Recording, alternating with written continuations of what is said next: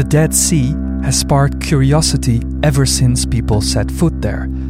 From biblical times continuing into ours, this highly saline body of water that makes everything float, surrounded by a mountainous desert, has been of interest for many people for many reasons religious, political, scientific, industrial, and artistic.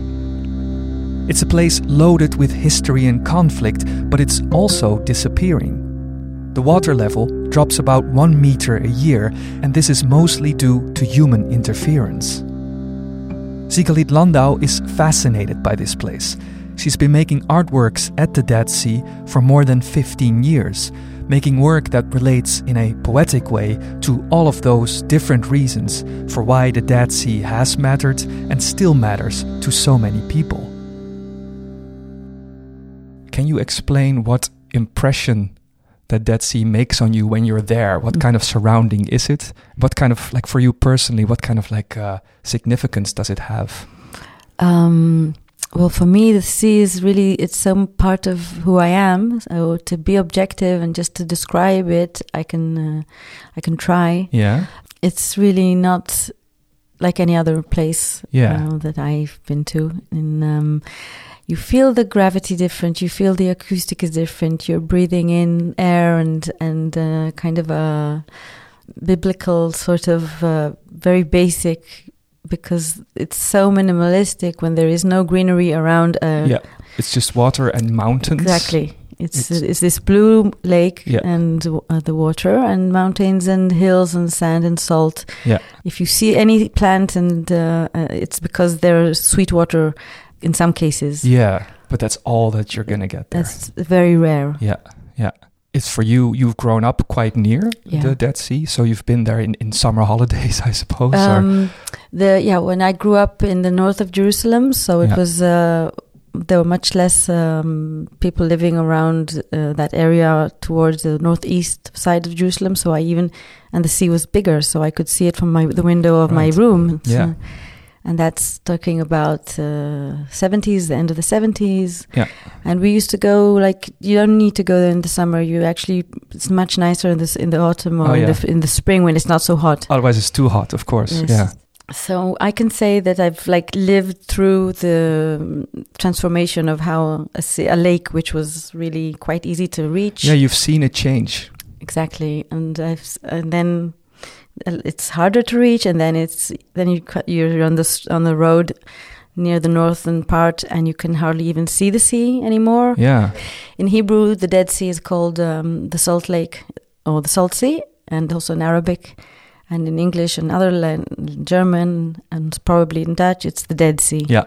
Yeah. Because, yeah, of course, no, none, nothing lives nothing there. lives there. And that that fact that there's nothing nothing lives there, and it's it's the blue water in the middle of a of a desert with Mhm. mountains. So it's the blue and the and the and the brown, Yeah. and it's it's the lowest Yeah. place on earth. hmm there's so many things that are unique and strange about that place, right? Yeah. That's I guess that's what you're f- Yeah. sensing when you're there. Yeah, you feel that you're in a rift valley. You feel that Yeah. you're between two like um, broken mountains. That, Yeah. that actually like it's the collision of the of Asia and uh, Africa. Yeah, it goes Europe. down to Africa. Yeah. yeah, that's right. The Syrian the Syrian African Rift Valley starts in uh, Turkey and goes through Syria until the East Africa. So Yeah.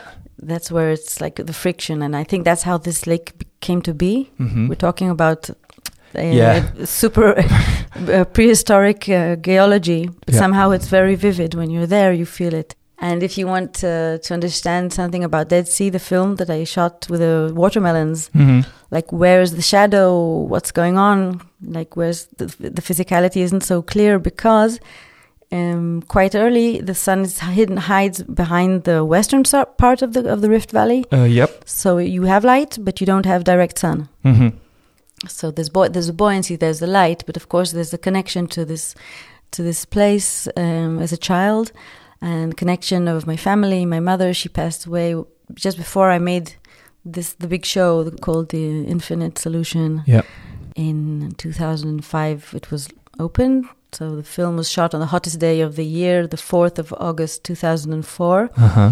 and it was an unforgettable day. And um, I called it Dead Sea, like the the, the dead can see because the camera's looking down. Yeah. and it's like my mother looking down and seeing what's the canvas is is the water and the image is is the spiral.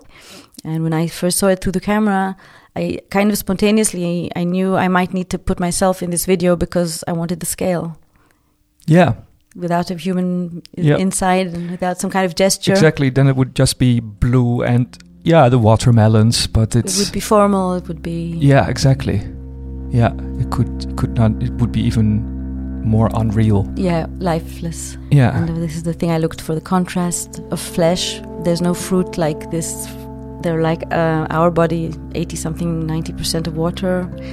And it's, I call it bloodless flesh. It's very fleshy.